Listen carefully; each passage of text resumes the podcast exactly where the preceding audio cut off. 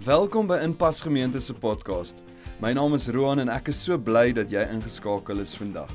Luister saam na 'n inspirerende boodskap oor die persoon van Jesus en sy liefde vir jou. As ons jou op enige manier kan dien of bystaan, maak asseblief kontak met ons. Ons webtuiste is die maklikste manier om dit te doen. Gaan na inpas.org.za en vul die terugvoerstrokie in en ons reik uit na jou. As hierdie podcast 'n impak maak in jou persoonlike verhouding met Jesus, wil ons jou uitnooi om jou geloof prakties uit te leef. Jy kan dit doen deur vrygewig te gee sodat Inpas Gemeente die goeie nuus van Jesus kan verkondig. Kyk gerus op inpas.org.za hoe om 'n bydrae te maak. En nou, sit gerus terug en geniet die boodskap. Nou ons begin vandag met hierdie reeks hartmonitor en hy gaan loop tot en met die einde van die skoolvakansie en dan begin ons daarna uh weer met 'n nuwe fokus en 'n nuwe reeks. Nou ek wil graag hierdie uh reeks so begin. Toe ek 11 jaar oud was, um nou altyd nog het ek uh, ek weet nie of jy dit nog steeds die um die die atleet binne my kan raak sien nie maar ehm um, daar was altyd hierdie ding van ehm um, agter in ons erf uh, het ons cricket gespeel, touchies gespeel. Ek het 'n groot groep vriende gehad en hier dink ek in uh, standaard uh, wat was dit? Standaard 3 rond, 11 jaar oud, het ek 'n 'n bietjie 'n breër woordeskat begin ontwikkel. Ehm um, en ek het die woord flippen aangeleer. Alles was flippen. En op 'n stadium dink ek my maale was bekommerd dat die 1F gaan lei na die volgende F toe en jy weet so gaan dit dan nou 'n uh, progressiewe ontwikkeling raak in my lewe en hulle wou hierdie woord wou hulle afleer in my woordeskat. Ek dink hulle het seker gedink aan iets soos foei of wat ook al die geval mag wees, maar die F-bom, nee, hulle was baie baie bang en hulle het my gewaarsku. My pa en my ma het my eendag ingeroep vir my gesê, "Paul, uh, dis nie hoe ons praat nie." Uh dis nie ons woordeskat nie. Ons wil nie hê want jy jy voel die hele tyd jy moet 'n kragwoord gebruik om jouself uit te druk. En ek kan onthou ons het een middag speel ons weer cricket in die in die uh erf en een van die ouens vang die bal mis en ek sê vang die flippin bal. Nou ek weet nie hoe kry julle maas dit reg nie want julle hoor alles. Julle is op die regte slegte verkeerde oomblik op die verkeerde plek staan julle daar wag laat 'n kind net 'n fout moet maak. Maar in elk geval my ma roep my van binne die huis Paul kom asseblief hier. Nou ek het vergeet om julle te sê hulle het vir my gesê die straf as hulle my weer hoor hierdie woord sê gaan wees dat hulle my mond met uh, met seepwater gaan uitwas. My pa was op daai stadium vir een of ander rede uitstedig geweest. Hy was 'n verteenwoordiger van 'n maatskappy. Hy was nie daar nie, my vrou, my vrou, my ma was vrou alleen geweest en nou sê sy, jy weet wat ek aan jou pa vir jou gesê het, ons het jou gewaarsku. Nou ek weet nie of julle as ouers ook so voel nie, maar jy wil nie ydelike waar of ydelle waarskuwings vir jou kinders gee nie. Jy wil deurvoer op jou waarskuwing, nê? Nee? So as jy vir daai kind gesê het jy sal dit nie doen nie, daar sal gevolge wees, wil jy hom of straf of pak slaap wat wat ook al gee en ek sien my ma's onseker. Wel sy het my nou jare na die tyd vertel hoe onseker sy was, hoe sy nou hierdie seepwater gaan gebruik om my mond uit te spoel. Jy weet gaan sy nou seep, ek weet nie wat nie, van daai shower gel of wat ook al in 'n bakkie gooi, die water meng dit in my, dan moet ek nou spoel nê. Nee, en dit nou uitgooi. Nou ek op die, vo die volgende oomblik vat my ma my tandeborsel en sy begin daai koekies seep te smeer met my tandeborsel nê. Nee, sy sê vandag, vandag gaan ons jou mond uitspoel, Paul. Nou kan ek sien hoe adamant is sy. Nou needless to, to sê ek is tot vandag toe bang om daai F-woord te sê. Ek meen ek sal nie eens aan dink om verder te gaan enige ander F-woorde te gebruik nie. Ehm um, die ander ding wat ek kan onthou is ek het so 'n niggie gehad. Nou almal ons almal van ons het so 'n niggie gehad, nê? Nee? Wel, as jy 'n niggie was, het jy so 'n neefie gehad. Maar ehm um, ek het so 'n niggie gehad en ek het 'n pyl en boog gehad, daai met die rooi punt aan die aan die einde wat so vassuig teen die venster en ehm um, En dan sê my maale vir my, "Hoekom tempteer jy vir Leonie so? Hoekom skiet jy haar met jou pyl en boog?" En sê ek, "Maar ek het gedink sy's 'n bokkie. Sy lyk net soos 'n bokkie, iets soos 'n kudu of 'n eland of so iets. Sy is lekker om te jag hier in ons huis, né?" Nee? Nou ek weet nie of daar 'n wêreldse reël is wat sê jy mag nie met 'n pyl en boog skiet en jy en jy mag nie flippend sê nie, Maar een ding wat ek wel geleer het in die Grobler huishouding is daar so reël en ek het vinnig geleer wat jy moet doen en wat jy nie moet doen nie en wat jy moet sê en wat jy nie moet sê nie om die lewe net makliker te maak vir jouself. Net net dat die wêreld vir jou kan uitwerk. So wat ek gedoen het is eintlik maar het ek net my gedrag begin monitor en ek het my gedrag begin aanpas by wat ek mag en nie mag doen nie en ek het geweet as ek dit doen en die grense te ver gaan probeer push dan gaan ek probleme optel en ek gaan moeilikheid kry. Nou ek en jy soos ons ouer word het ons geleer Ons het geleer wat om te sê by 'n onderhoud om die werk te kry, om die werk te hou, om selfs te leer wat om te sê om 'n bevordering te kry. Eh, jy het al geleer as jy 'n meisie wil uitvra wat om te sê, jou beste voetjie voor te sit, hoe om in daai verhouding te bly en hoe om met daai persoon te trou. Ek en jy het baie geleer. Maar van tot tyd tot tyd dan dan spring daar iets uit jou binneste uit. Dan weet dan sê jy, ja, ek weet nie waar dit nou vandaan gekom het nie. En daai ding wat jy dan doen veroorsaak baie skade. Eh, dit kan jou jou werk laat verloor, 'n vriendskap laat verloor, 'n verhouding verloor. Dit kan jou in die hof laat opeindig. En wat ek agtergekom het is, dis nie net genoeg om jou gedrag te monitor nie want daar is 'n 'n dieper probleem. En, en ons het dit al gesien in verhoudings. Ons het al gesien hoe die die die perfekte koppel homself afspeel en dit gaan so goed voor die huwelik en dan 6 maande in die huwelik dan duik hierdie groot probleem op.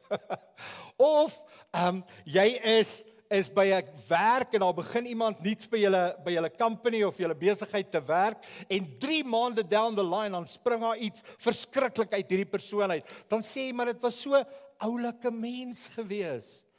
Hoe die persoon so verander.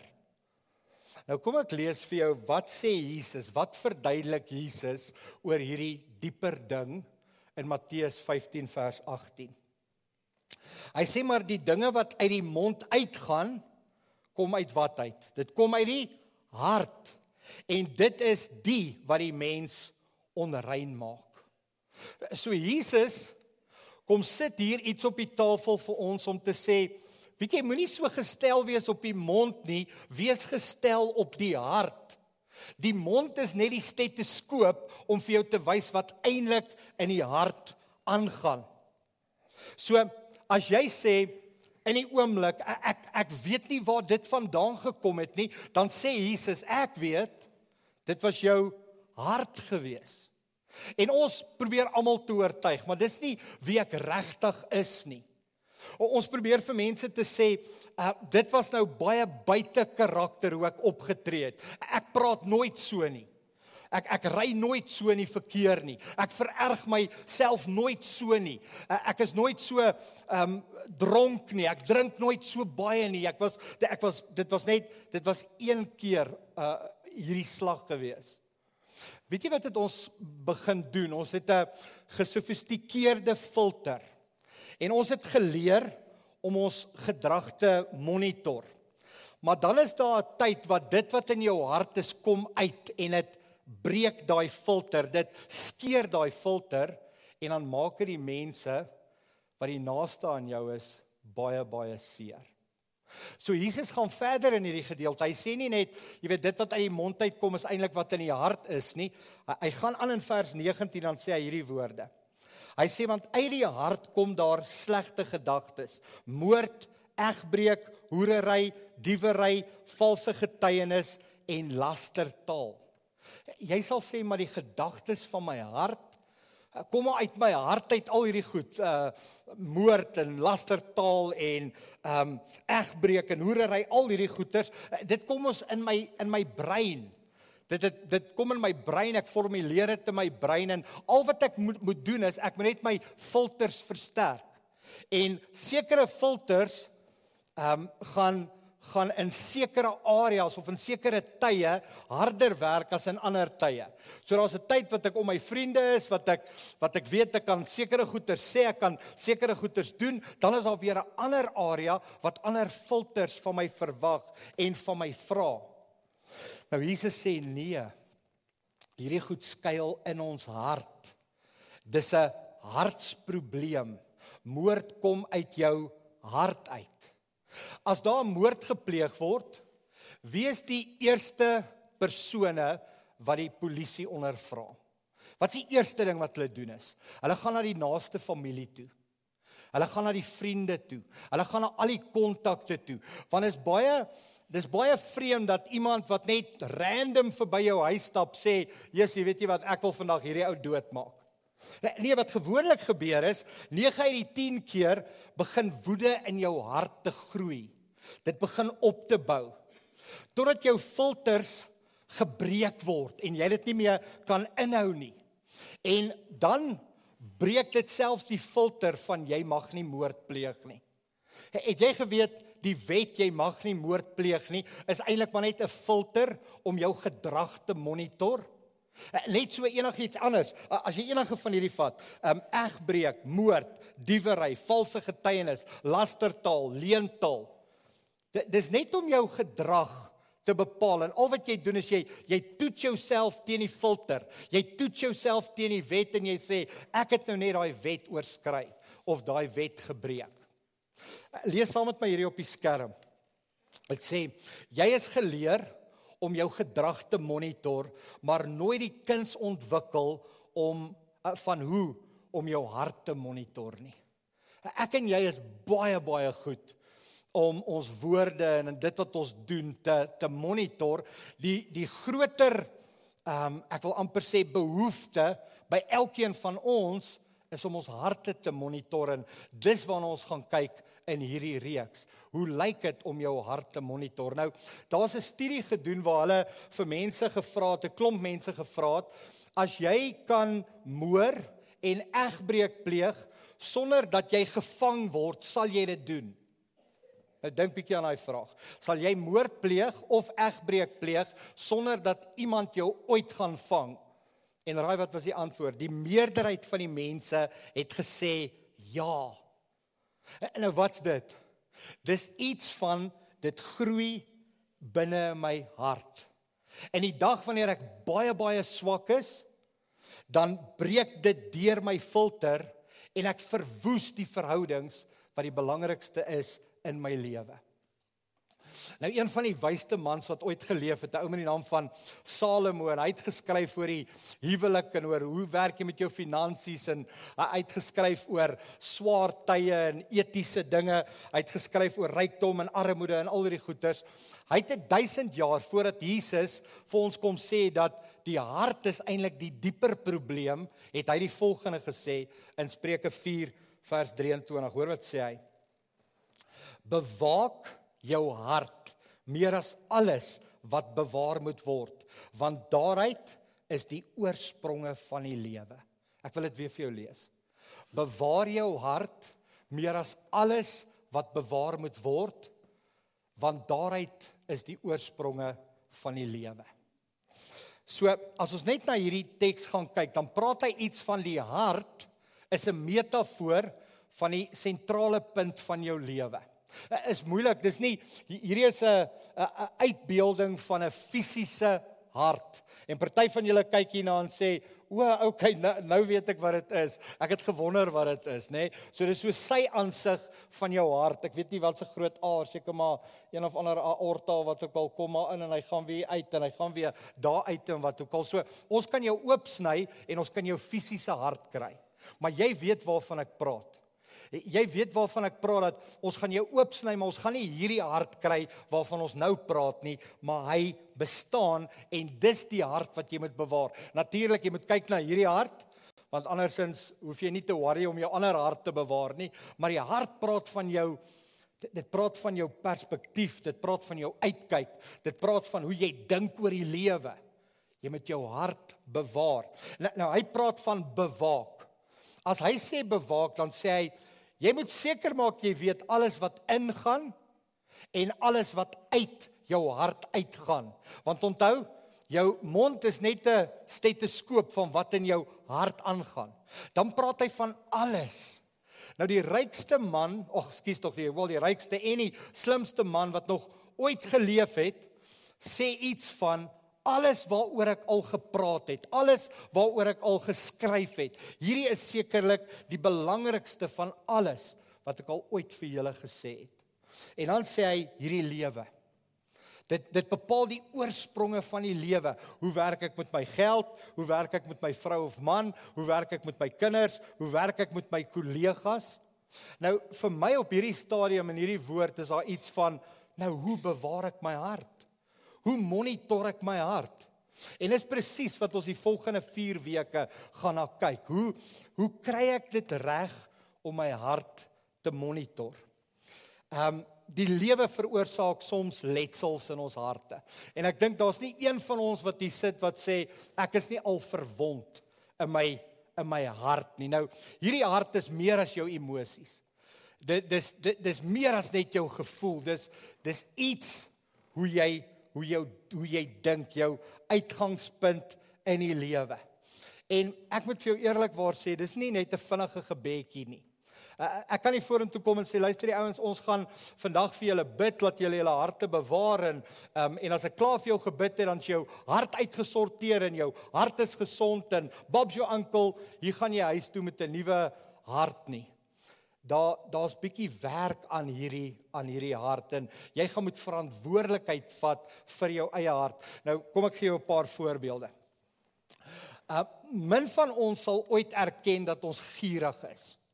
Uh, gierig is beteken ek is synig, ek is selfgesentreerd, ek is selfsugtig, die wêreld draai om my. Ek wil soveel as moontlik wil ek beskerm en bymekaar maak. Ek is gierig. Ons sal woorde gebruik soos weet jy wat ek is net ambisieus. Ek is net ek is iemand met 'n visie. Ek is eers heen op pad met my lewe. Eh, daarom my tyd is my tyd, my geld is my geld, my gawes is my energie. Dis alles myne en ek het alles nodig om my doelwit, my visie te bereik. En jy is gierig. Nou die enigste manier hoe jy gierigheid breek in jou lewe. Nou gierigheid is 'n hartskondisie. Onthou ons praat oor hartmonitor. Hoe breek jy gierigheid in jou lewe? Deur te gee. Hoe meer jy gee, hoe meer vrygewig raak jy. Nou, jy sê dalk, Here, maak my vrygewig dan sal ek begin gee. Maar tot op daai stadium gaan ek nie gee nie. Ek wil eers daai gevoel hê dat ek nou vrygewig is en dan gaan ek begin gee. Hy sê nee, dis die teenoorgestelde. Jy gaan die werk moet insit. Jy wil die gierigheid breek in jou lewe en, en jy het dit dalk al gehoor. As jy 'n tiener tiener is, het jou ouers dalk al vir jou gesê, "Jesus, maar weet jy wat die wêreld draai nie net om jou nie." Uh jou vrou het dalk al vir jou gesê, "Weet jy wat, hoekom moet ons altyd doen net wat jy wil doen?" Uh, jou jou man het dalk al vir jou gesê, "Jesus, luister jy my vrou regtig? Uh, ek wil ook daarom partykeer die restaurant kies, nê?" Nee?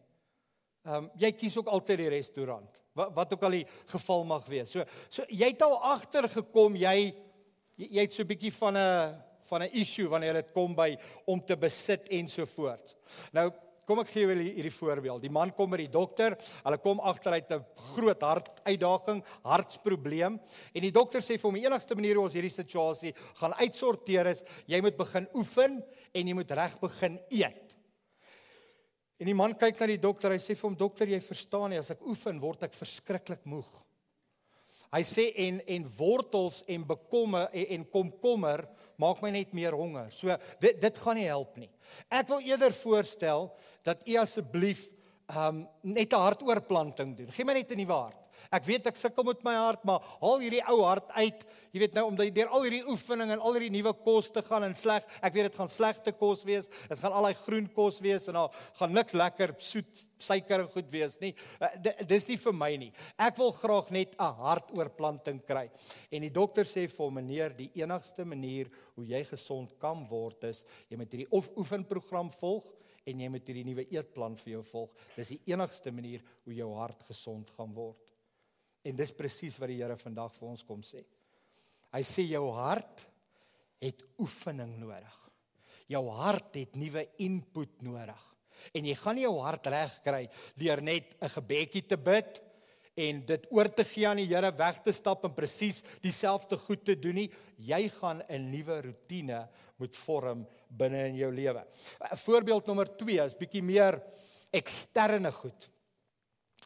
Almal van ons het dalk al of meeste van ons het dalk al beleef wat dit is as mense jou te nakom. As mense jou seermaak. En wat dit veroorsaak in jou lewe is dit veroorsaak bitterheid en seer.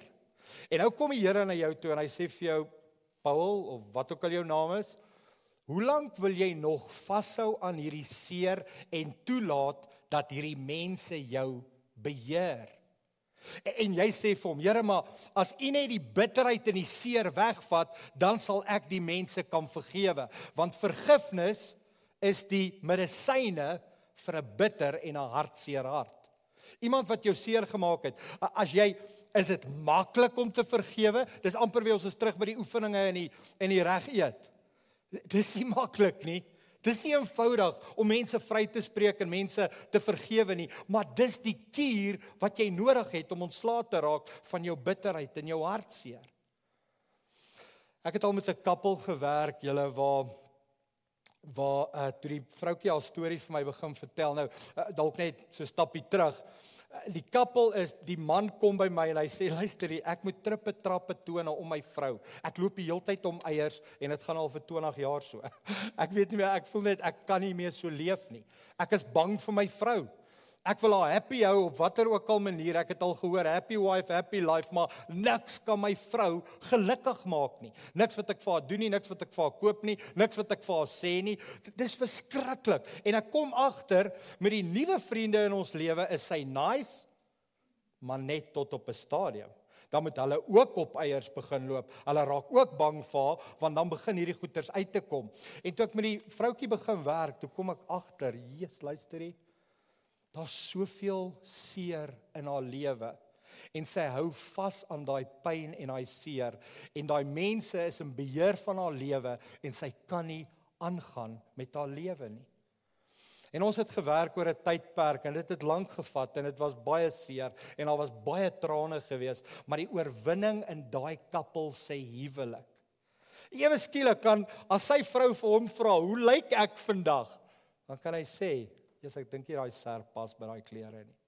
Sonder dat sy kop afgebyt word. Sonder dat sy dit heeltemal verloor. Jy sien as jy net jou gedrag monitor, kan jy tot op 'n stadium nie iemand se kop afbyt nie. Maar daar gaan 'n tyd kom waar jy dit gaan verloor en dan sê jy, "Jesus, ek weet nou nie waar kom dit vandaan nie." Dit kom vandaan dat ek en jy nog nie met ons harte gedeel het nie en dat ons nog nie hierdie situasies uitgesorteer het nie en dat ons te lank vashou aan dit. Nou kom sluit af. Almal van ons het wonde in ons harte. En ek wil nou vir jou sê, jy kan nie beheer hoe mense jou hanteer nie. Jy kan nie beheer um, die skadelike woorde van mense in jou lewe nie, maar wat jy kan monitor is jy kan die effek wat dit op jou hart het, kan jy monitor. Jy kan jou hart bewaar, jy kan jou hart beskerm. En ek wil jou vra, as jy dit nie vir jouself wil doen nie, doen dit vir die mense om jou. Doen dit vir die volgende generasie. Nou, julle my my ouerskap en Natasha se ouerskap is van is so dat dat ons stel regtig belang hoekom ons kinders doen wat hulle doen. So as my dogtertjie vir my sê, ehm um, sy voel hartseer of sy voel uitgesluit of sy voel beledig of sy voel daar was 'n argument of wat ook al dan wil ek agter die kap van die byl kom wat is dit? Wat wat veroorsaak dat jy uitgesluit voel? Wat veroorsaak dat jou dat jou hart seer is of dat jy dat dat jy uh, spyt is oor goed wat jy vandag gesê het of wat ook al. So in plaas daarvan om jou kinders te vra, miskien kan jy met hierdie gewoonte by jou huis begin. In plaas daarvan om jou kinders te vra, "Hoe gaan dit met jou?" Nee, lekker sport was so, akademie was so, toets was so, bla bla bla. Begin om jou kinders te vra, "Hoe gaan met jou hart?" En leer hulle om hulle harte te bewaar. Want julle dis die plek wat ons die beste kan vermom. Dis die plek waar ons die grootste masker kan opplak, maar jy kan hom vermom en vir hom 'n masker gee vir net so lank. Dan kom hierdie monster uit. En ek en jy is vandag getaak. Vir die volgende 5 of wat weke word ek en jy die die funksie gegee. Die verantwoordelikheid gegee om te sê jy met jou hart monitor. Nie jou vrou nie, nie jou man nie. Jy kan jou kinders se harte monitor om vir hulle te leer hoe om dit te doen, maar ek dink byvoorbeeld as jy begin vra vra soos Jy praat mos nou met jou kinders in die aand. Jy gaan sit by hulle as hulle, wel ek weet ek het ook nie nou meer by my 17 of 16 jarige kind gesit nie. Dit raak moeilik, maar as jy 'n gap kry, maar veral as hulle klein is, kan jy vir hulle vra, "Hoe gaan dit met jou hart? Het iemand jou seer gemaak dat jy so optree? Is jy kwaad? Wat is in jou hart?" Ek dink dis belangrike goeters om te vra. Nou, Christendom het nog nooit gegaan oor jy moet jou gedra nie. Julle en ek ek het nogal daai gevoel gekry toe toe ek nog 'n kind was, het dit vir my gevoel wanneer dit kom by Christendom in die kerk, ek moet my gedra. Nee nee nee, ek en jy het 'n baie hoër calling. Ons calling is ons moet ons harte monitor en ons moet ons harte bewaar. Goed so nou wat ons vandag gaan doen is ek wil hê dat ek en jy gaan bid. Ons gaan saam bid. Maar voordat ons gaan bid, wil ek vir julle 'n paar vrae vra. En hierdie is die is die vrae wat ons mekaar eintlik behoort te vra.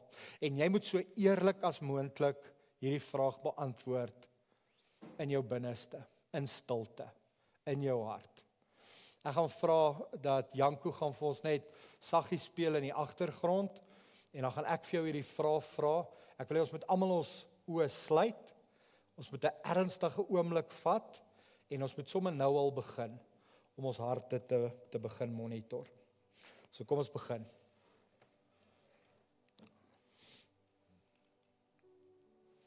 Ek wil jou vra vandag is alles oukei okay in jou hart? Is jy kwaad vir iemand? Wag jy vir iemand om na jou toe te kom om dinge reg te maak? Kom daar gedurig goed uit jou mond waarvoor jy moet om verskoning vra. Jesus, jammer dat ek dit gesê het. Jammer dat ek dit gedoen het. Ek vra om verskoning. Ek weet nie wat het oor my gekom nie. Het jy onlangs iets gedoen waaroor jy verleë en spyt is? Ek kan nie glo ek het dit gedoen nie verlekker jy jou as iemand misluk? Dis vir jou lekker dat sy nie presteer het nie. Dis vir jou lekker dat haar rapport nie so goed is soos jy joune nie. Jy's bly sy het nie goed gedoen in daai area nie. Jy's bly hy het misluk in sy in sy verkope, dat hy 'n les geleer word. Dis nie so maklik in hierdie besigheid nie. Is dit vir jou lekker as iemand swaar kry? Het jy onlangs gejok vir iemand waarvoor jy baie lief is? Gaan met jou hart. En dan wil ek jou vra, ek wil vra as 'n gemeente dat ons hierdie gebed dat julle dit asseblief agter my sal aanbid en ons gaan dit seker so so twee keer saam bid en dan sal ek vir ons bid. So terwyl ons almal se oë gesluit is, ek wil vra die hele gemeente almal wat daar by die huise is wat inskakel vandag. Kom ons bid saam. Bid hierdie agter my aan. Here leer my om my hart te bewaak. Van daaruit is die oorsprong van die lewe.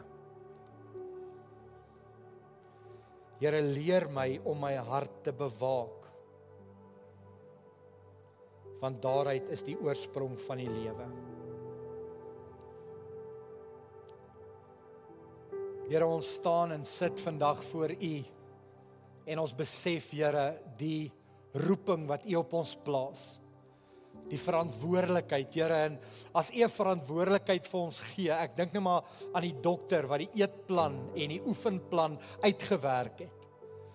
Hy het nie vir daai manne onmoontlike taak gegee nie. Ek dink maar aan die beraader wat die wat die persoon moes beraad wat vashou aan die pyn en vashou aan die beheer van ander mense. Daai beraader het nie 'n onmoontlike raad gegee nie. Here net so kom jy nie vandag na ons toe en sê ek verwag van julle die onmoontlike nie.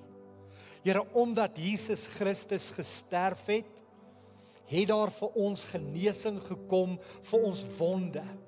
Dat genesing gekom vir ons harte, Here. En daarom as ek vashou aan die pyn van die verlede, kan ek vergewe. Here, daarom as dit met my swaar gaan en dit gaan moeilik en ek wens ander mense net sleg toe, Here. Here, U wil vir my iets kom wys. U wil vir my iets kom sê oor my hart. U wil dieper kom krap as net die oppervlak wat ek voorgee. Here, en ek sê vir U, doen dit. Begin met my te werk, Here. Daar's 'n rede hoekom ek doen wat ek doen. Ek wil nie net meer die simptoom aanspreek nie. Here, ons almal was al by 'n dokter en dan al wat hy al wat hy doen of 'n beraader of 'n raadgewer of wat ook al, ek het my ek het 'n loodgieter uitgekry en al, al wat hulle wil doen is hulle wil net die kraan regmaak, maar dit is eintlik nie die kraan nie want die pyp het gebars en daar's groot probleme binne in die muur. Here, ons wil binne die muur werk. Ons wil binne ons emosies werk. Ons wil binne in ons harte werk. Here, so ek bid vandag vir elkeen van ons. Dankie vir vrymaking. Dankie vir die geleentheid om U met alles, met my hele hart te kan dien. Ek bid vir daai vrymaking. Ek bid vir daai loslating. Ek bid Here dat ek nie meer elke nou en dan sê, "Jo, waar kom dit vandaan nie?" Maar ek spreek nooit die oorsaak aan nie. Dankie Here, U gee vir ons genade deur die kruis, deur die bloed van Jesus Christus. Ons eer U daarvoor en ons bid dit in Jesus se naam. Amen.